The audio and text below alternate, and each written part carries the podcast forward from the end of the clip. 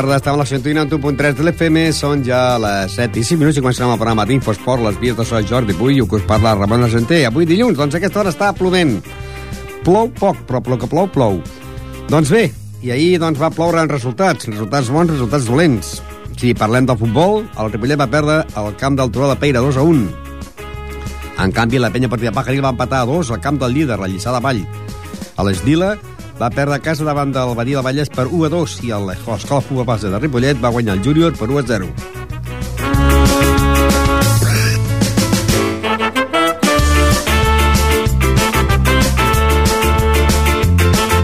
Perquè pel món del futbol sala, doncs, derrota el futbol sala Ripollet que va perdre 8 a 5 al camp del Sant Cugat de Vallès, mentre que el Ripollet D continua ser líder després de guanyar a Castellà per 1 a 2.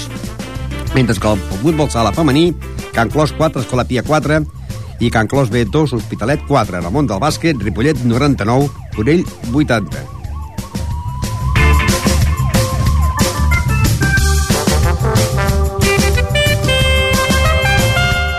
Seguim amb més bàsquet perquè la Bellgasó doncs, va guanyar de 35 punts al Santa Perpètua, 68 a 33. I com dèiem, el Ripollet va guanyar 99 a 80 davant del Morell amb un important, important equip, per mi un dels millors partits de la temporada. En bàsquet femení, el Ripollet doncs, va perdre de 5 punts, 65 a 70 davant del Sama. En el món del hockey, Ripollet 2, Centelles 5. Descans en el món del handball i també descans en el món del tennis.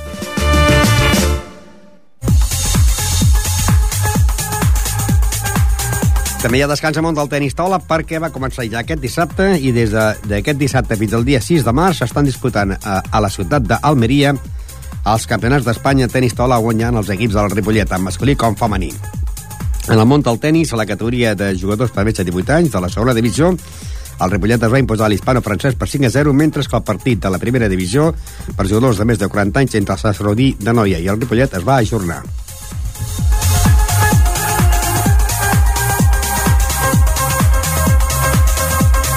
I anirem de ple ja pel futbol, categoria preferent, un Ripollet que va perdre, doncs, eh, el liderat i va perdre ahir davant del Turó de la Peira per 2 a 1. Els resultats van ser Palau 3, Granollers 2, que el Granollers és el proper rival del Ripollet. Mollet 1, Premià de Dalt 1, Banyoles 1, Avià 0, Gironella 1, Horta 2, Caçà de la Selva 1, Figueres 3, Canyella 5, Palafrugell 0, va descansar el Manresa, Farners 3, Tona 1 i Turó de la Peira 2, Ripollet 1 amb gol d'Alice Hill. Líder Figueres amb 46 punts, seguit del Ripollet amb 46, Mollet 40, Manresa 38, Adià 37, Farners 35, Canyelles 33, Premià del 32, Horta 30, Granollers 30, també 30 punts al Tro de la Peira, Gironella amb 25, Tona 23, Banyoles 19, Palau 17, eh, Palafrugell 15, Caçà de la Selva 12, i ocupa la plaça número 17 doncs, a Caçà de la Selva amb aquests 12 punts després de que es va retirar l'equip del Mataró. El partit, doncs, un Ripollet que, com sempre, va jugar amb els jugadors Reyes, Salva, Xus, Bravo, Miguel, eh, Marc Gomà, Àlex eh, Gil, eh, autor del gol, Uri, Rubén, Berni i Novo, el, el, el col·legiat va ser el senyor Gómez Hernández, el, el, aquest senyor va treure 5 targetes per l'equip del Toro la Peira, cap al Ripollet, i en el minut 52, en el descans 0-0, al minut 52, Òscar posava l'1-0, al minut 56, el 2-0, eh, per mediació de l'equip del Toro de la Peira i finalment al minut 70 Alex Gil, eh, Alex Gil posava el 2 a 1 també van jugar pel Ripollet Maillo, Genís Camo i Peter eh, hem de dir que el nostre company, eh, el nostre company Miguel Ángel Molina va entrevistar doncs, a acabar el partit eh, a l'hombre, el, el delegat de l'equip, José Juan Paloma Juan, ¿se ha cumplido el pronóstico? ¿Campo difícil el del Turo de la Pira? Pues sí, la verdad, sí, ya lo has visto. El campo está la, estaba lleno total, la gente aprieta mucho aquí y era un campo muy complicado. Nosotros ya lo sabíamos de antemano, pero bueno. A la tierra no nos adaptamos. Ten en cuenta que es el primer partido que hemos jugado en tierra, ¿eh? Nos hemos acostumbrado ya. Y ellos quieran o no juegan cada 15 días, entrenan y, y luego las medidas del campo también las tienen tomadas ellos porque y ya está. ¿Y qué ha pasado en la primera parte hasta el minuto 15 de la segunda? No, que tan solo eso, que yo creo que el Ripollet ha perdido el partido, aunque los goles le hayan cojado en la segunda parte, lo ha perdido en la primera parte, porque no ha querido jugar a fútbol. No sé por qué, pero no ha querido jugar a fútbol. Y en cuanto a la afición, ¿qué tienes que decir? Pues nada, simplemente hacer como nosotros en Ripollet tendremos que hacer como han hecho ellos. Han ido por todos los bares esta semana, de los bares de, del, del barrio, dando invitaciones, los socios entraban. Sí, yo creo que nosotros tenemos que hacer. Ahora, para estos últimos partidos tendremos que hacer algo. Vamos a pensar algo en porque tenemos que traer la afición también nosotros. O sea que en este aspecto, aunque vayamos líderes, la gente no se anima en Ripollet a venir al campo. Sí, se animan, pero se animan los de siempre. ¿Y hay alguna, un 2 por 1 algo que tengáis pensado para hacer? Algo, es- esta semana hemos comentado, viendo en el mundo deportivo, en el Sport, los diarios más, más leídos en Cataluña de, de deporte, viendo que el Turó lo que hacía, lo que estaba haciendo para llenar el campo y, y lo ha conseguido. Yo creo que en Ripollet también lo podemos conseguir. Y De aquí a dos semanas, el próximo partido, el Granollers. ¿cómo lo ves ese partido? Pues lo veo, lo veo bien. siendo líderes. lo veo un partido complicado, Granollers siempre es un derby ¿eh? y, y esperemos que no pase nada, porque siempre que viene el Granollers los dos últimos años pasa algo. Cuando Algo. no se cae la publicidad, el accidente de los chavales, espero que, Espero que esta vez no pase que nada no pase y nada. vaya todo bien. Sí, el resultado sí. también. De moment, aquest diumenge, doncs, no vindran perquè no juguen, que hi haurà jornada de descans. Uh, el Tru de la Peira, com dèiem, de la va guanyant el Ripollet amb dos gols a un. Uh, la primera volta el Ripollet havia guanyat 2 a 0 amb gols de Novo i de Juan i bàsicament va ser la presentació dels equips del Ripollet que va, es va fer la presentació a la jornada número 6 on el Ripollet guanyava en el Tru de la Peira per 2 a 0 com dèiem amb gols de Novo i de Juan i ahir doncs, perdia 2 a 1 i que el Ripollet ocupa doncs, empatats amb el, amb el Figueres els 46 punts, mentre que l'equip del Turó la Peira doncs, ocupa la plaça número 11 en 30 punts. I el proper rival del Ripollet, però no serà aquesta setmana, perquè aquesta setmana que ve, el diumenge, mm, hi ha descans. Només jugaran el Ripollet Esplugues de futbol sala, eh, el bàsquet Esparreguera Ripollet, Martorelles de Bellgasó, eh, Pretenc femení Ripollet de bàsquet, Cornellà en Ripollet de hockey, Pardinyes eh, handball i tenis Sant Llorenç eh, tenis Ripollet. A La resta tindran jornada de descans. I el proper eh, setmana, seria el dia 13, tindrem la visita del Granollers, que el Granollers en aquests moments doncs, ocupa la plaça número 10 en 30 punts, un equip que sempre gasta molts calés i sempre queden portes de les promocions, portes de pujar, i que, lògicament, està a 5, 5 punts del Farners, que seria el que pujaria, perquè ara pujarien Figueres, Ripollet, Mollet, Manresa, Avià i Farners, que té 35 punts, i per darrere tenim Canyelles 33, Premià del 32, Horta 30 i Granollers 30. Un Granollers que aquesta setmana va perdre al camp del Palau per 3 a 2, serà el proper rival del Ripollet, però això sí, la setmana següent, la setmana que ve, estem a dia 6, seria el dia 13 de març.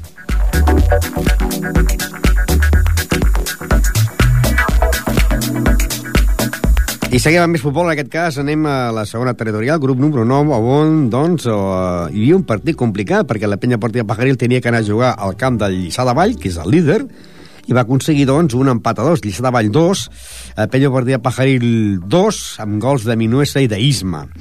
Bellavista 1, Sabadellenca 2, que és el proper rival també de la penya, Cardedeu 5, Paret 0, a Santa Eulàlia 4, l'Ametlla 1, a Sant Esteve 2, Pitres 2, Palau Tordera 2, La Torreta 0, Montbaló 0, Vilamajor 1, Saranyola 0, Montcada 1, Sant Joan de Montcada, volen dir, Martorelles 2, Vallès 1 i Lliçà de Vall 2, eh, Penya Partida Pajaril 2.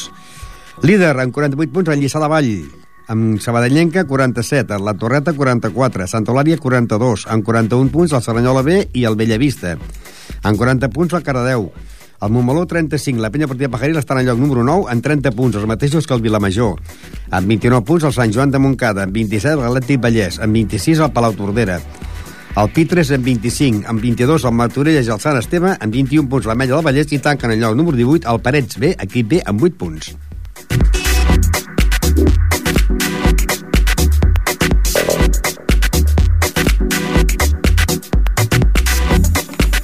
I bé, doncs, eh, la penya eh, va aconseguir aquest dimeritori empat davant del Lliçà de Vall, que és el líder des de fa moltes jornades, que continua sent líder del Lliçà de Vall, però ara reduït de diferències amb la victòria del Sabadellenc al camp del Bellavista, un Bellavista que tenia 41 punts i també estava en els primers llocs, doncs el Sabadellenc el va guanyar 1-2, en aquest cas la Sabadellenc ara s'ha situat segon, amb 47 punts, seguit eh, a darrere la Torreta amb 44 punts. Eh, la penya, com dèiem, doncs, ocupa la plaça número 9 amb 30 punts. Està en aquests moments, en zona que no baixaria de categoria, però que la setmana que ve tindrà, el diumenge que ve té jornada de descans i l'altra jugaria aquí a casa contra el Sabadellenca, que és el segon de la Lliga, després de guanyar en el camp de Bellavista per eh, 1 a 2.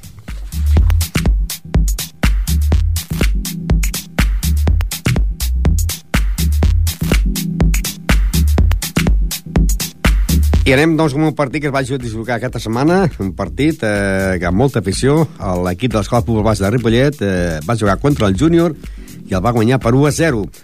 Eh, I en aquests moments la classificació l'encapçala el júnior amb 44 punts, seguit a la planada amb 43 i l'Escola Futbol Base de Ripollet amb 42. Mirasol 41, Marina 36, eh, 34 punts pel Sant Cugat del Vallès, Roureda 29, eh, La Farga 27, la Unió 13, Can Colapi 10, la Fundació 10, Nou Vallès 9 i tanca les Dylan al lloc número 5 amb, o sigui, en lloc número 14 amb 5 punts. Chesco, buenas tardes. Hola, buenas tardes. Y sobre todo buen partido ayer, ¿no? And el líder, el Junior, 1-0, con Sí, gol sí. de David Franco, el goleador. Sí, un gol de David Franco. Muy importante, sí, el resultado. Bueno, la cosa que decíamos que se ponía muy bien a tiro y se ha puesto a tiro, ¿no? Sí, sí. A ver, en casa mm, llevamos una buena racha, como bien sabe, y confiaba, confiaba en que pudiéramos sacarlo adelante. Y bueno, sí, se dio, se dio, hubo suerte y conseguimos ganar. Eh, 1 a 0 eh, eh, frente al Junior y luego pues está eh, también la- los partidos como Roureda, Cancolapi que empataron a 3, la Unión Salud y la Fundación que empataron a 4, Marina 5, No Valles 3, la Farga 4, Peña Blaugrana 5 y, la, y el sorprendente, ¿no? El, eh, el resultado iba bien, la Planada 2, Mirasol 2. Sí, pero este partido no está finalizado, ¿eh, ¿No? Ramón? No, no, este partido quedan 20 minutos. Se suspendió cuando faltaban 20 minutos, por lo visto. Problemas... Las noticias que, Sí, sí. Las noticias que tengo es que no sé si debido al público o a los jugadores, que es entre ellos discutieron o algo, no sé lo que ocurrió, pero por las noticias que tengo quedaban 20 minutos y se suspendió el partido. Tendrán que jugar esos 20 minutos. Que a mí ya me va bien, ¿eh? Sin patán. Sin si patán. se queda como está. Sí, sí, porque, pues como decíamos, quedaríamos con eh, Junior 44, La Plata 43 y Escuela Fútbol Base de Ripollet eh, 42 y luego el Mirasol ya por detrás con 41 y el Badilla del Vallés con 36 y luego ya la resta con 34 y 34. Bueno, y en el partido es de los que creó afición, ¿no? Se luchó hasta la última hora, ¿no? Sí, a ver, yo en la primera parte me- creo que hicimos un muy buen partido, sobre todo en la, o sea, la primera parte, dominemos totalmente, creo, casi totalmente al Junior, porque tuvimos varias ocasiones claras de gol, no entró el balón, y ellos venían claramente a jugarnos a la contra, a intentar vivir de un error nuestro, de un fallo. Incluso el entrenador de ellos cuando acabó el partido me dijo, en la primera parte no hemos tenido el balón, pero porque es que no nos habéis dejado, nos habéis controlado totalmente. Y luego salimos bien en la segunda parte, lo que pasa que a raíz de la expulsión de Dani, pues claro, un equipo como el Junior que tiene buenos jugadores y tú te quedas con uno menos y vas en el, por encima del marcador, pues bueno, el equipo claro se echó un poquito para atrás a intentar defender el marcador y, y lo luchemos, lo peleemos y hasta el final. Claro, porque Dani se fue expulsado en minuto 69. Sí, sí. Y luego aparte, bueno, el árbitro es que alargó seis minutos largos. De O todas sea maneras, tú- el árbitro yo creo que hizo un buen arbitraje, ¿no? Sí, no, no, no, a ver, no, no me quejo de, de, de la- de en cuanto al árbitro, no, me quejo en cuanto a la cantidad de tiempo que alargó, no creo que, que hubiera tanto tiempo para alargar. Hombre, vosotros hicisteis cinco cambios, claro. eh, a minuto por cambio, quieras o no quieras. Sí, es que yo lo, hago, lo suelo hacer eso para cuando voy a favor del marcador. Pero bueno, que no, que está bien, no, a ver, que el árbitro no pitó mal, ¿no? y la expulsión era, era expulsión, no, no tengo que decir nada en contra de la Un poco tonta por parte de Dani. Sí, porque además yo le estaba avisando, cuando él empieza a entrar al jugador, como sé que tiene una tarjeta, yo desde el banquillo le estoy diciendo, no, Dani, no, Dani, no, Dani, pero ya es tarde, ya el jugador además en cuanto nota el contacto, ya también se cae, porque y claro, segunda amarilla, y que es que además era el siguiente cambio, el siguiente cambio que iba a hacer para evitar riesgo era, era cambiar a Dani. Aba- Pero a- no- Abans, abans os enseñaron tarjetas a Rodri, eh, a Rubén, eh, Joshua y a las dos de, de Dani. Sí. Sí, pero bueno, no no tengo nada que decir, las tarjetas fueron fueron tarjetas, no pasa nada. Pues en el una, sí, sí, sí, una es por ponerse delante de la barrera para intentar que no nos sacaran rápido y el árbitro ya avisó que si alguno se ponía, pero claro, nosotros quedando pocos minutos en el marcador, pues tenemos que también arriesgarnos si nos sacan una tarjeta, pues no la sacan, pero no podemos que nos pillen durmiendo y nos saquen una falta rápido y, y nos marquen al final, ¿no? Entonces no, no tengo nada que decir en cuanto a eso, ¿no? Está bien. En minuto 45 pues eh, se acabó con el empate a cero, pero en el 33 hubo una gran oportunidad de conseguir el primer gol a, a cargo de David Franco. Sí, sí, bueno, ya te digo, yo creo que en la primera parte David Franco tuvo dos buenas Sí.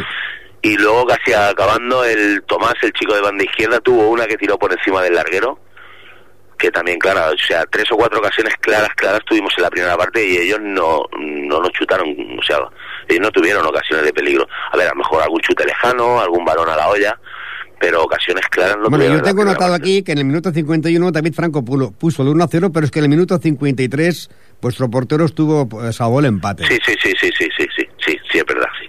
Eso sí es verdad. Hicieron, hizo una gran parada. Intentaron hacer una vaselina y salió, tapó muy bien porte- portería y hizo una buena parada, sí, es verdad. Y Que esa, fue la vi- ocasión más clara de ellos. y esa victoria, pues, eh, os ha llenado de moral, ¿no? Sí, sí, pero bueno, tenemos que tener los pies en el suelo, ¿eh? O sea, hay que disfrutar como ayer, estábamos todos muy contentos, los jugadores muy contentos, porque era una victoria importante, es el momento de disfrutarla, es, es el día del partido, pero ahora ya hay que olvidarse de esa victoria y pensar en que de aquí al final cada partido va a ser una final, porque como está viendo la, la liga está muy disputada. Ahora esta Y semana descansaréis, Sí, descansamos todos. Todos descansáis y la siguiente jugarías eh, el campo de la Fundación, Sí, lo que trae la fundación. que esta semana ha empatado a 4 frente a la Unión Salud y la Fundación ocupa el puesto número 12 con 10 puntos. En principio no tenéis ningún problema en ese partido, ¿no? No tendríais que Sí. tener ningún problema. Sí, pero bueno, no te puedes no te puedes fiar porque cuando está la cosa tan apretada, si un día por un despiste, porque vas muy confiado por X, por B, por lo que sea, pierdes en uno de estos campos o empatas en uno de estos campos, puedes ser el culpable de que se te vaya todo el trabajo del año. Entonces, aunque no estén bien clasificados, tenemos que ir muy metidos, muy concentrados e intentar ah, sacar el partido adelante lo antes posible y llevar traernos los tres puntos y, y ir sumando, ir sumando y que vayan pasando las jornadas y a ver cómo acaba la cosa. Este partido... La ilusión no nos la van a quitar, desde luego. Este partido de esta jornada frente al Junior, eh, actual líder, eh, ¿fue el mejor de la temporada o no? Mm, bueno, hemos hecho partidos buenos. La primera parte me gustó y a ver, en cuanto a intensidad fue muy intenso. Pero yo creo que el mejor partido de la temporada está por llegar. Sinceramente, igual me dicen loco, pero creo que tiene que venir aquí el Badía, tiene que venir la Planada. Y si seguimos estando ahí luchando a tope, yo veo al, equipo lo veo muy metido. Y creo que todavía podemos jugar mejor. Pues ahora estáis aquí en ese grupito Junior 44, La Plada 43, pendiente de estos 20 minutos. Escuela Fútbol Base de Ripollet, eh, tercero con 42, eh, Mirasol 41, Bahía Vallès 36, y luego ya Marina 34, La Peña de Balona San Cugat con 34. La resta ya está con 29, 27, 13, ya está muy abajo, ¿no? Pero esos tres puntos de ayer supongo que os dará satisfacción para intentar ya eh, pensar en el siguiente partido. Sí, sí. Seguiremos luchando hasta el final y a ver si hay suerte. Pues suerte y felicidades. Gràcies, Ramon. Les paraules de Xesco, que ahir doncs, van jugar contra l'equip del Júnior, que va venir com a líder i va guanyar per 1 a 0 i encara continua líder. Eh, anirem a intentar recuperar la trucada que abans no hem pogut entrar en directe amb l'entrenador, el segon entrenador de la penya partida Pajaril, eh, José Antonio Torres, que per això doncs, hem donat la classificació dels resultats, però no he pogut entrar en directe amb ell, i ara doncs, intentarem a veure si podem eh, recuperar la, la trucada i llavors doncs, eh, ja parlaríem amb el... continuaríem passant eh, a la tercera territorial i parlaríem amb Miguel Ángel de, de l'equip de l'Esdila. Eh, ara anem a José Antonio Torres, buenas tardes. Hola, buenas tardes, Ramón. Bueno, buen resultado, ¿no? Empatar al campo del líder, el Lliçà de Vall. Bueno, un buen resultado, pero un resultado amargo. Resultado amargo porque en el minuto 94 ganábamos 2 a 1 y, y no sé por qué arte de magia nos pitan un penalti en contra. Que fue el empate a 2. Y fue tirar el penalti, marcar y ya no sacaron de centro. Terminó el partido. O sea, no, ni centrasteis ya. No, no, no, no. Que va. O sea, que era en el tiempo de descuento, ¿no? Sí, sí, fue un balón al área, en el cual un delantero de ellos y el, la- el defensa nuestro, pues lo típico, el tuyo, tuyo, o sea, un lance normal del juego, le da, con- le da con la cabeza el contrario, la echa afuera, creemos que está pitando saque de portería y no, no, pita penalti. O sea, no lo entendemos. No, no, no, no claro. hubo ni una falta, ni unas manos, ni nada de nada. no, no, no, el típico forcejeo que hay entre los dos, el delantero que le echa la mano por detrás, el otro que, que, que intenta que no que no llegue bien, el salto entre los dos y penalti. O sea, nada, nada punible porque además me, me pilla a mí de, de cara a la portería. El árbitro me dice a mí que, que sí, que sí, que, que lo ha visto muy claro. Digo, bueno, a ver, si tú lo has visto claro, yo no, te, no voy a, a- pelearme contigo, pero que, porque yo no lo he visto así, pero tú eres el que mandas. ¿Qué le voy a decir? Sí, ¿no? Y claro, es lástima porque pues consigues tres puntos importantísimos que os hubierais puesto con 32 puntos. Mantendrías la misma, el mismo pu- puesto, Sí, pero sacarías más puntos al Vilamayor que os está pisando los talones. Vilamayor con 30 puntos y el San Joan de Moncada eh, con 29. Sí.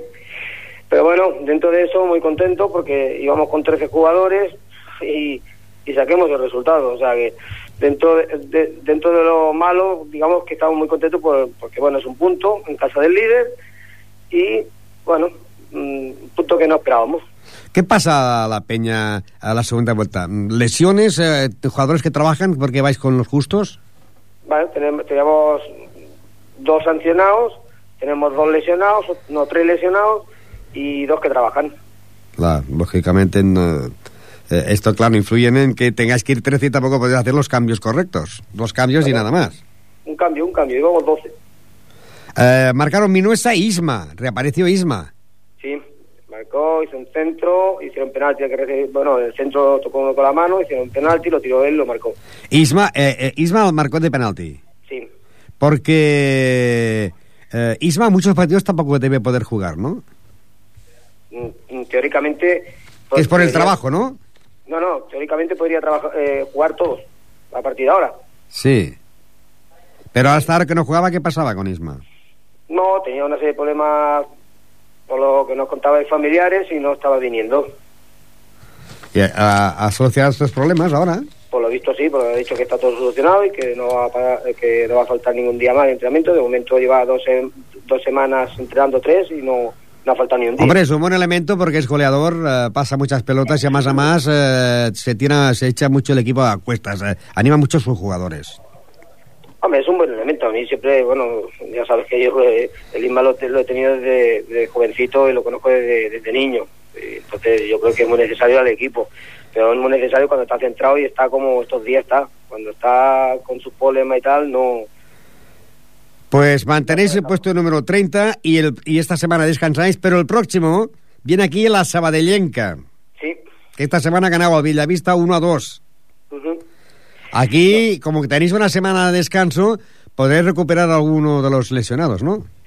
Recuperamos por lo menos dos, dos o tres seguros. Me parece que recuperamos un par de lesionados, uno de los sancionados, y el que esta semana no puede venir por trabajo también puede venir, o sea que seremos seguramente unos 15. Y además, además jugaríais en casa el sábado a las 7 de tarde, pero a la semana del 13 de, del 13 de, de marzo. Frente Sí. a la Sabadellenca, que es segundo con 47 puntos. Sí. Pero bueno, eh, eh, si al líder le hemos podido ganar en su campo, bueno, ya la Sabienca en su casa le empezamos a uno también. O sea que mm, si nosotros los equipos de arriba eh, son los que, lo que lo que hemos estado dando, por decirlo de alguna manera, más, más por saco. Porque arriba- perdiendo con los, con los de abajo vosotros. Sí, porque Gisa, por ejemplo, en nuestra casa nos ganó 1-2 también en el último minuto. Sí, aquí estaba yo.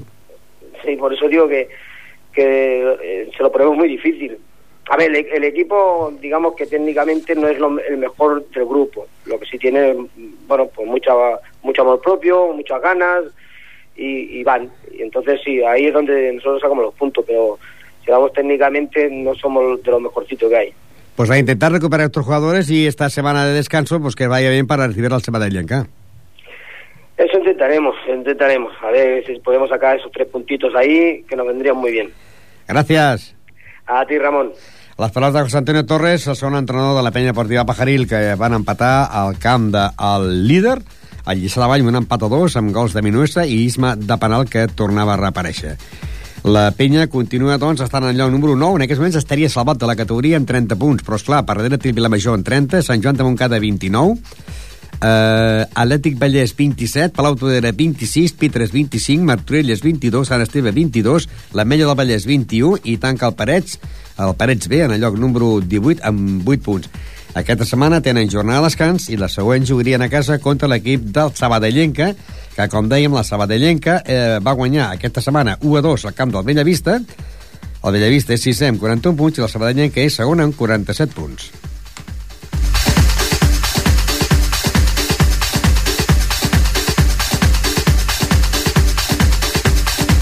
I continuem ara una altra vegada a la tercera territorial. Uh, havíem parlat ja amb Xesco, entrenador de l'Escola de Futbol Base de Ripollet, i ara tenim un altre partit, que és l'Esdila, que va jugar a casa contra el Batia del Vallès, que es va adelantar al marcador, amb gol de Dani, eh, posava a l'1-0, però que llavors, doncs, eh, lògicament, eh, l'equip del Badia, que és cinquè a la Lliga amb 36 punts, doncs va aconseguir marcar eh, de falta a l'empat a 1 i finalment va guanyar 1-2. Eh, Miguel Ángel, buenas tardes. Buenas tardes. Tuviste el partido a vuestro a tiro, ¿eh? Sí, lo tuvimos a tiro. Lo que pasa es que el- aquí sí que no, nosotros sí que no nos acompañó el árbitro. Eh, eh, ma- marcó Dani el 1-0 y luego el gol del empate fue de falta. Sí, sí, bueno, era imparable, ¿eh? la falta la tiró muy bien el jugador. Y luego al final 1-2 favorable al equipo del, del Badía del Vallés. Sí, sí. Eh, estaban presionando de una manera muy fuerte. Entonces, nosotros supimos mantenernos ahí. Para el empate a nosotros nos valía, a ellos no, pero a nosotros sí. Supieron defender bastante bien mis jugadores y hay una contra, mala suerte y nos marcaron. Pudieron marcarnos el 1-3. Pasa que el portero también nuestro se paró un penalti. Entonces, jugaron eh, muy bien para mí. Ha cambiado, ¿no? La, la forma de jugar del estilo ahora. No han cambiado, simplemente la actitud de ellos, la han- ellos mismos han cambiado. Ellos están sacando esto adelante. Yo no estoy haciendo nada. Son ellos los que están haciendo esto. Yo simplemente lo único que estoy haciendo es dirigir, dirigir este, a, esta- a los chavales y ellos están sacando ellos solos esto adelante. Yo no estoy haciendo nada. Bueno, Los está- méritos es de ellos, Está, no es mío. está haciendo entrenador porque tú estabas en la banda equipado para entrar, ibas de corto. Sí, sí, sí. A ver, yo estaba para jugar. O sea, yo me he visto para jugar. ¿Vale? Lo que pasa que mm, solo lo, lo dirijo y ya está. Y ellos se encargan de... Yo les doy las instrucciones y ellos se encargan de, de hacer el trabajo que tú viste creo que en la primera parte. Porque Y tú, el- sí, ¿tú- Dime. tú podrías ponerte jugar de entrenador, eh, jugar de portero y hacer de entrenador al mismo tiempo. Sí, porque también, a ver, yo no, no estoy solo, está Alberto también, ¿vale? Eh, y si yo da la casualidad que me toca jugar, él dirigiría el, el, el- el partido. De las instrucciones, a lo mejor se las podía dar yo de la banda o de la portería, pero si yo juego, Alberto dirige el partido. Para eso estamos los dos y esto lo estamos llevando él y yo. Y esta semana en ese partido frente a Badía Vallés, ¿ha, ha- ha jugado algún jugador nuevo? Sí. Porque sí. había rumores allí y decían, oye, este juega bien, este no le había visto. Sí, sí, el número, no me acuerdo qué número es, el- le llamamos Toro. Toro, Sí, estuvo cuando estuvo Rubén, sí. estuvo, lo que pasa es que se hizo daño en el tobillo y faltó. Por también problemas familiares y todo eso, faltó y ahora se ha recuperado y vuelve a venir. Y yo sabía que para este partido, sabía que no podía aguantarme 90 minutos, pero sabía que, que sí podía contar con él para este partido. Y hizo una función muy buena, a mí me gustó mucho. Porque es difícil rec- coger eh, jugadores que para jugar a las 4 de la tarde de un sábado. No, porque casi todos que, han- que estuvieron jugando pueden. Pueden venir. O sea, yo creo que es una hora buena. Ahora esta semana descansáis y la siguiente ya tenéis un partido. Yo creo que aquí ya tenéis que dar el callo y bueno, el callo lo dais, ¿no? Pero ya puntuar en el campo de la fundación. Sí, a ver. eh, tiene que llegar el resultado bueno, nos tiene que llegar. Porque nosotros ya que no tenemos nada que ganar y nada que perder, pero lo que vamos a hacer es ponérselo difícil a, los a los rivales, tanto fuera de casa como dentro. Y Que no, se piensen que, que no se piensen que, que porque van a jugar contra el, el último van a, a salir a pasear como salió Badía, que pensaba que, que como jugaba contra el último dejaron los titulares en el banquillo y pensaba que iban a marcarnos ocho, ocho goles y se dieron de se dieron de morro, ¿eh? Bueno, esto también les puede pasar a, los- a los siguientes equipos, que vean, ¿no? Que, se crean que eh, sois los mismos desde la primera vuelta y, y que pierdan partidos. Ahora lo único podemos, lo único que pueden decir es que no vienen a jugar contra el último, sino que bien juegan contra el último y saben que se lo vamos a poner difícil.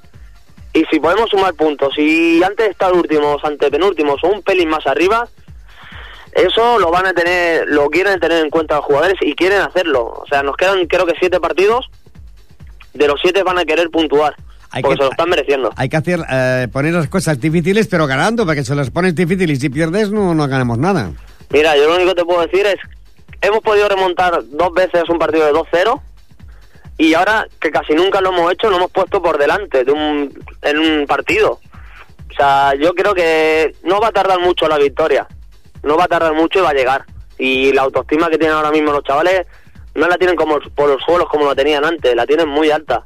Y además lo viste en el partido, en la primera parte, como lucharon todos. Y además, además, en la primera parte, tú- antes de marcar el 1-0 y después del 1-0, tuviste eh, varias ocasiones de poder marcar el gol. Sí, el portero de Badía sacó una mano espectacular, que fue el chute de Dani también, ¿vale?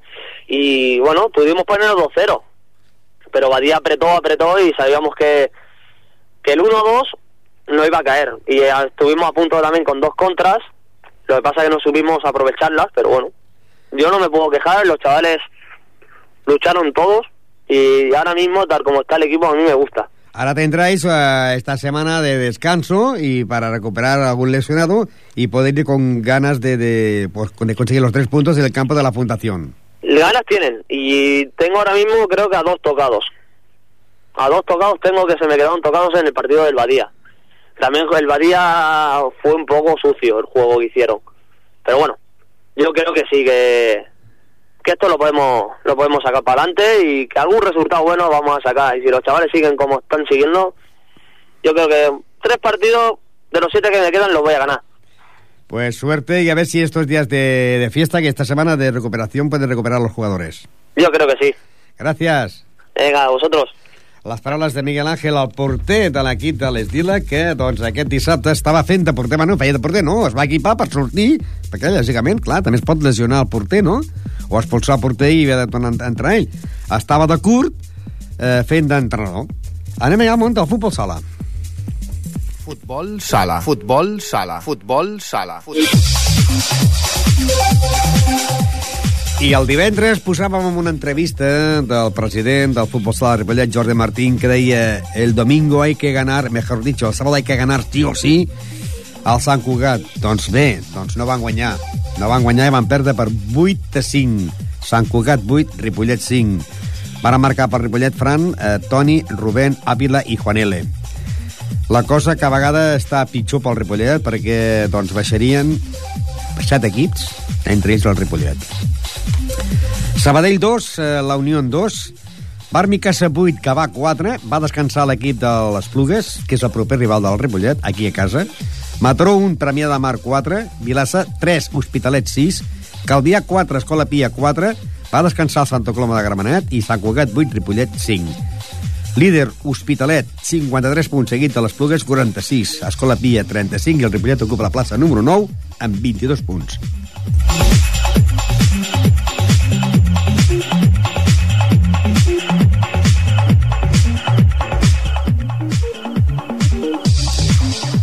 Doncs tal com dèiem, l'Escola Pia és tercer en 35, Barmi Casa 33, Premià de Mar 31, Vilassar de Mar 27, Sabadell 26, La Unió 25, Ripollet 22, Gavà 22, Santa Coloma 20, Calvià 17, Sant Cugat 16, Mataró 13.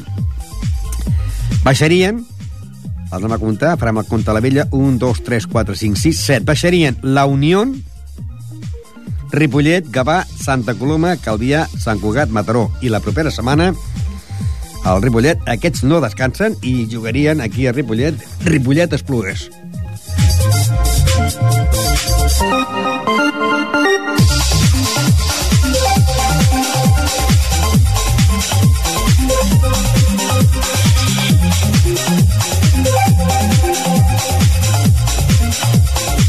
seguim amb més futbol sala perquè també doncs, l'equip del Ripollet D va guanyar al camp del Castellà 1 a 2. Castellà 1, Ripollet D 2, en gols d'un d'Isaac i l'altre de Xavi Tajuela. Líder Ripollet D amb 37 punts, seguit del CRC Castelldefels amb 32 i tanca eh, i el tercer a l'Alella amb 30 punts. La propera setmana, a l'equip del el Ripollet eh, de la categoria preferent, té jornada de descans. Eh, els que no van descansar, però sí descansaran la setmana que ve, van ser els equips del Can Clos. Primerament va jugar l'equip del Can Clos B, que va perdre davant de l'Hospitalet per 2 a 4. Va marcar els dos gols de l'equip de Can Clos, la jugadora Begoña Martín, autora dels dos gols. Can Clos B 2, Hospitalet 4. Líder amb 33 punts l'Arenys de Munt, que en té 33, seguit del Sant Feliu amb 26 i el Teià amb 26. Amb 24 el Mistral. I l'equip del Can Clos ocupa la plaça número 11 amb 7, equi amb 7 punts. El penúltim és el Santa Coloma de Gramenet, que en té 6. Aquest partit es va jugar el dissabte i llavors, després d'aquest partit, es va jugar el corresponent a la categoria de la divisió d'honor entre el Can Clos i l'Escola Pia, un partit molt important, on va acabar amb un empat a 4 i que eh, hem de dir que eh, en el minut eh, 7 Sònia Blanco posava l'1 a 0 Iris Soria posava el 2 a 0 al minut 8 en el 14 de falta posaven l'1 a 2 i al minut 19 venia l'empat a 2 Eh, amb aquest resultat d'empat a 2 anàvem al descans. Llavors, al minut 9 de la segona part, Sònia Blanco posava el 3 a 2. En el 12, de cap marcava a l'equip de l'Escola Pia el 3 a 3. S'adelantava una altra vegada la falta al minut 13, 3 a 4, i finalment al minut 15 Sònia Blanco posava a l'empat a 4. Hem de dir que eh, en el minut 11 de la segona part, expulsió de la jugadora Raquel, que eh, a més a més doncs, eh, la van treure la van treure dues targetes, va treure du- dues targetes grogues, va perdre la vermella, se'n va anar al carrer, i també es va lesionar la jugadora Iris, que a la primera part i a la segona part ja no va entrar, i que un l'autor gol va ser Iris. En aquests moments, la, el Sant Cugat és líder amb, eh, és segon amb 30 punts, seguit de Vilassar amb 31, que és el líder, 31 eh, Vilassar, Sant Cugat 30, també té 31, eh, 30 punts l'Escola Pia i a Can Clos està en el lloc número 5 amb 25 punts. I pla per baix eh, tenim Cardedeu amb 6 i el Montserrat amb 1. I la setmana que ve hem de dir que l'equip del Can Clos té jornada de descans i que no jugaria fins que l'altra setmana a la pista del Sant Cugat. Però la setmana que ve, doncs, hi ha descans en el món del futbol, eh, futbol sala, i només jugaran la Lliga Nacional de Futbol Sala amb un Ripollet Esplugues.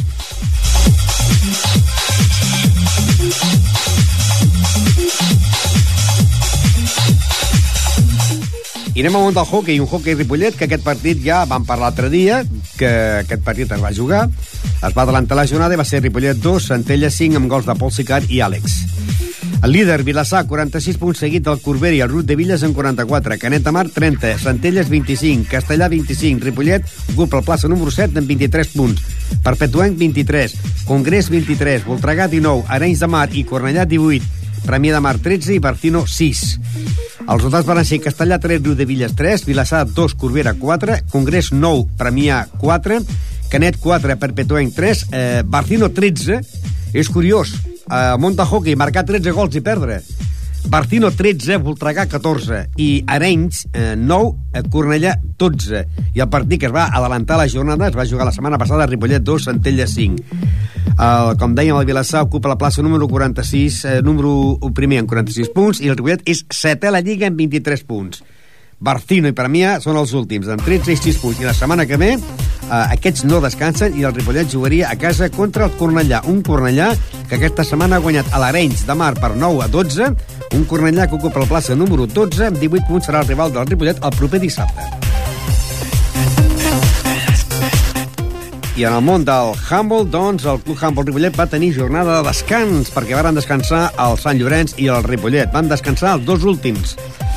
Els resultats van ser Igualada 31, Serranyola 35, Sanot 27, Sant Miquel 32 i Sant Pedor 16, Pardinyes 28.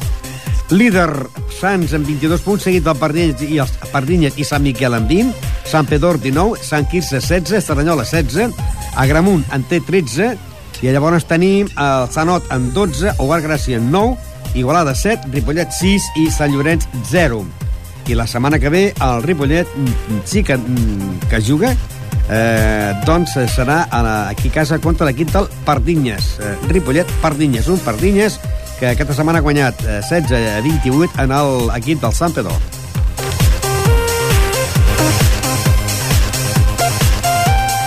I anirem ara al món del tenis taula per dir que aquesta setmana doncs, a la Lliga Nacional hi ha hagut jornada de descans perquè s'està disputant, començava, ja va començar aquest dissabte, va començar eh, la fase final dels campionats d'Espanya de tenis taula que es desfan a la ciutat d'Almeria, on hi ha el Club Tenis Taula Ripollet.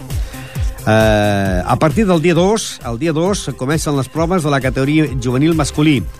El Ripollet, el Santaco Ripollet, tindrà que jugar contra, primerament contra el Caja Granada, llavors contra el Sant Javier de Múrcia i llavors eh, contra el Leganés de Madrid. Per que fa a l'equip eh, femení, el Ripollet presenta dos equips, a l'equip B, juvenil, eh, femení, el primer partit jugarà contra l'Inca de Mallorca, segon contra el Falcón de Sabadell, tercer contra la Zubia de Granada, quatre contra el Narón de la Corunya, cinquè contra la Cartagena i el cinquè, sisè partit contra Cacasú Priego de Córdoba. Perquè fa l'equip A, eh, del juvenil femení, que està en el grup tercer, l'equip A jugarà el primer partit contra l'Esparreguera, el segon partit contra el Bàscara de Girona, el tercer partit contra Santiago de Compostela, el quart partit, eh, partit contra el Caja Granada de Granada, el cinquè partit contra l'Alicante i el sisè partit contra el Miguel Turra de Madrid. Això pel que fa als campionats d'Espanya de la categoria, des de categoria Alevín, eh, absoluta, que es fa disputarà i s'està disputant ja des del dissabte a la ciutat d'Almeria.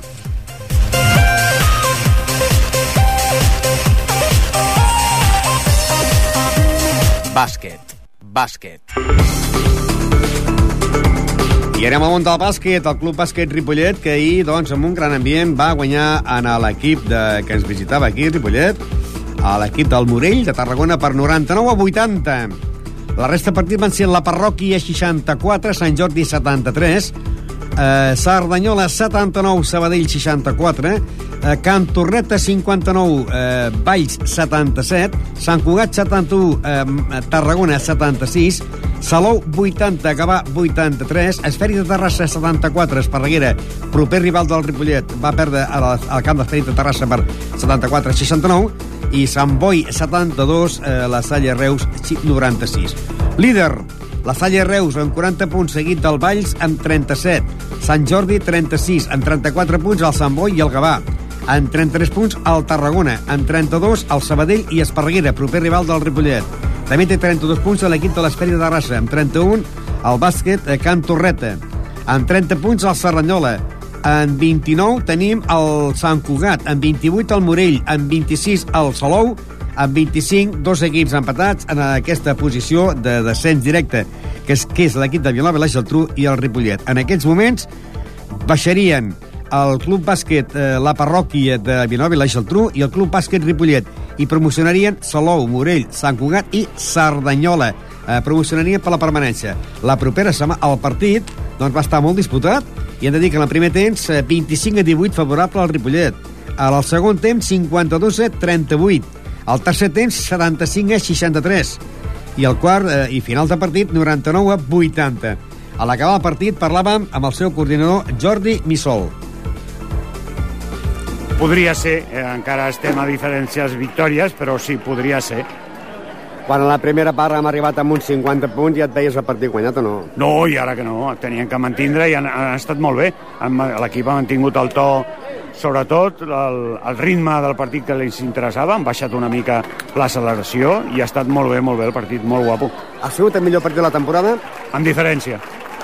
Sí, sí, en diferència. Bon, tant defensiva com ofensivament, molt bé. I hem vist uns quants jugadors avui que estàvem, estaven bastant fins. Sí, un parell o tres de jugadors, però, però hi han participat molts, eh? La plantilla ara és molt àmplia i quasi bé tots s'han posat una mica perquè la victòria es quedés a casa, àmplia i clara. I a més a més avui amb un gran ambient, no?, amb les gralles de fons. Sí, i tant. Eh, un ambient, ambient agradable, agradable perquè no molestava i acompanyava. Molt bé, molt, molt interessant. Això serà cada diumenge a casa o què? Ojalà, ojalà, esperem que sí. Tant la victòria com l'acompanyament. Ens celebrem al final de fer la promoció? Mm, Bueno, ara tenim un, un partit més i, a més, important per, pel tema de... Bàsicament, els números són els mateixos, que ens falten doncs, 3 o 4 partits per guanyar, sobretot el del final del Salou, però l'esperit de l'equip eh, ha variat. Esperem que eh, mantinguin aquesta dinàmica interior i amb els partits, eh, quan juguen fora i els propers de casa. Ara falta proper rival, no?, la pròxima setmana. Sí, sí, ja veurem, a veure. Ara han de preparar el, següent partit i no mirar si li falten 3 o 4 victòries, sinó intentar buscar guanyar fora algun partit que ho necessitaríem també. A L'equip està treballant bé, avui han tingut un premi aquí, anem a veure si tenen premi fora. Amb què ha millorat l'equip? Mm, Bueno, eh, seria molt llarg analitzar, però sobretot eh, bàsicament eh, la participació de molts jugadors, eh, fent unes tasques de rendiment col·lectiu i eh, en lloc d'estar una mica crispats o accelerat, han aprofitat la intensitat, tant en defensa com en atac, per mantindre un equilibri de relació entre ells amb el joc i no s'han posat nerviosos quan no li sortia bé les coses. Clar que avui mm, era bastant normal que no es posessin nerviosos perquè les coses han anat molt bé. Veurem a veure si un dia, quan no surten massa bé les coses al principi, són capaços de tornar a enganxar la onda correcta. I també, també hem de dir donar les gràcies al públic perquè ja- generalment quan un equip va l'últim de vegades la gent no va i avui el camp estava ple. Eh? Sí, i tant, han respost molt bé i bueno, és d'agrair a tots els aficionats o simplement els que volen vindre a veure, veure els partits que vinguin i animin, com ha fet pues, la, la xaranga que hem tingut aquí. Doncs bé, eh, el Ripollet, que la setmana que ve, doncs aquests sí jugaran, i el diumenge jugaran a partir de 3 quarts de 6 de la tarda a Esparreguera. Una Esparreguera que aquesta setmana, doncs, eh, ha, guany... ha perdut en el camp de l'Esferi de Terrassa per 74 a 69. L'Esparreguera ocupa la plaça número 8 amb 32 punts, per un Ripollet que ocupa la plaça número 16 amb 25 punts. Es veuran les cares el proper diumenge. I el que es van veure les cares aquest diumenge va ser a l'equip del Gasó, que va guanyar en l'equip del Santa Perpètua per 68 a 33, 35 punts de diferència. Els partits van ser Cervelló 56, Nou Badia 87, Pallejà 74, Audira la Salle 59, eh, Sant Lleí 56, eh, Col·legi Cultural 64, Sant Manat 55, Martorelles 80, Regina Carmeli 75, Camp Parellada 44, Montigalà Badalona 49, eh, Sant Vicenç 38 i eh, Òdena eh, 70, Esparreguera eh, 60. Líder, el Martorelles, amb 37 punts, però hi ha un tripartit, podríem dir, empatats en el, eh, el liderat. Amb 37 punts tenim tres equips, Martorelles, Col·legi Cultural i Elvira La Salle de, Mon- que és de Montcada. Uh, Nou Badia, 36. Esparreguera, 34. Regina Carmeli, 33. La Bellgasó està situat en el lloc número 7 amb 29 punts. Per darrere té amb 28 punts el Sant Lleí i el Sant Vicenç. Amb 27 punts tenim, doncs, eh, tres equips. El Montigalà, Badalona, el Pallejà i el Camparellada. En 26 punts tenim el Sant Manat, en 25 el, el Òdena i en 22 el Santa Perpètua i en, eh, en 21 punts en el lloc número 16 el Cervelló. La propera setmana l'equip del Lavell Gasó jugaria diumenge eh, un quart de vuit del vespre, Martorelles, la Bellgasó. El Martorelles és l'actual líder de la competició amb 37 punts, un Martorelles que aquesta setmana ha guanyat en la pista del Setmanat per 55 a 80. I en el món del bàsquet, també el bàsquet femení, doncs les jugadores Vanessa, Eva, Marino, Ali, eh, Alicia, Ruth, Anna, Fina i Kelly, entrenades per Javi López, varen jugar contra l'equip del Club Bàsquet Sama i van perdre per 65 a 70. En el descans, 37 a 39, favorable a l'equip visitant. Els resultats varen ser Esparreguera, 38, Bàsquet Pretenc, 63. Collblanc, la Torrassa, 82, Castellbisbal, 49. Llefià, 44, Cornellà, 67. Mata de Pena, 39, Roquetes, 44.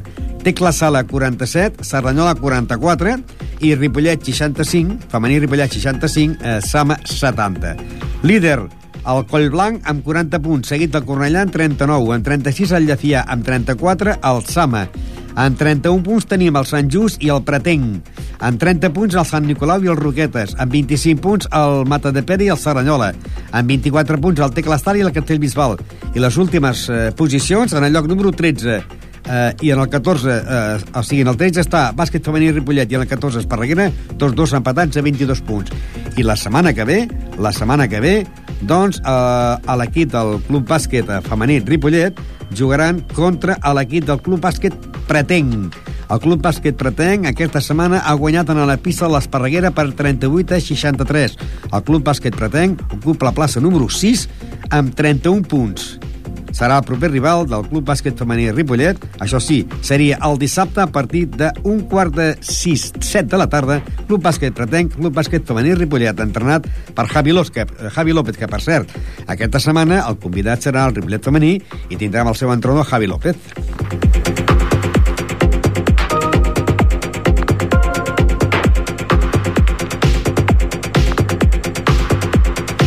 I al món del tennis. El tennis, doncs, que aquest cap de setmana a l'equip de la primera divisió del Club Tenis Ripollet, doncs, eh, va jugar un partit... Tenia jornada de descans, però va ajornar el partit que es havia plaçat eh, feia una jornada entre el Ripollet i l'hispano-francès, aprofitant aquesta setmana de descans, van jugar aquest cap de setmana i el Ripollet va guanyar en l'hispano-francès per 5 a 0. Van, van fer un punt Àlex Moya, Albert Alberola, eh, Fran Ruiz i Graviel Quintana i el partit de dobles. El Ripollet 5, hispano-francès 0 i la propera setmana el Ripollet jugarà el dissabte a partir de dos, dos quarts de 4 de la tarda a la pista del Sant Llorenç. En aquests moments eh, estem parlant de, la, de jugadors de la segona divisió per jugadors de més de 18 anys de la categoria absoluta on eh, líder eh, tenim doncs que està a l'Aietà amb 32 punts seguit de Vilanova i la Geltrú amb 28, les Moreres 26, el Poble Clamunt 26 i la Nova eh, 21 punts. Pel que fa a l'equip de la categoria. El, el Ripollet és líder de la competició. Ripollet 32, Lleietà 32, Vilanova i la Geltrú 28, Les Moreres 26, Poble de Claramunt 26, Vilanova del Camí 21, Universitari 21, Sant Llorenç d'Hortons 15, Hispano Francès 13 i Castellbisbal 13. I a l'equip de més de 40 anys que militen en la primera divisió doncs eh, tenen jornada, van tenir jornada de descans la setmana passada i també tenen jornada de descans la setmana que ve. I el líder és el Ripollet, que té 19 punts, seguit del Camp Malic amb 19, Olesa de Montserrat 15, Hispano Francesc 15, a Sant Andreu eh, 11, a Sant Estoni de Noia 8 i Vilanova de Geltrú 7. Estem parlant de la primera divisió per jugadors de més de 40 anys i que la setmana que ve doncs, eh, tindrà jornada de descans un equip, mentre que l'altre jugarà el seu corresponent partit i seria, eh, en el món del tennis, seria el Sant Llorenç Ripollet. Un Sant Llorenç que, si mirem la classificació, doncs el Sant Llorenç eh, està ocupant la plaça número 8 amb 15 punts i jugarà contra el Ripollet, que és líder, amb 32 punts, parlant de la categoria absoluta per jugadors de més de 18 anys que militen a la segona divisió.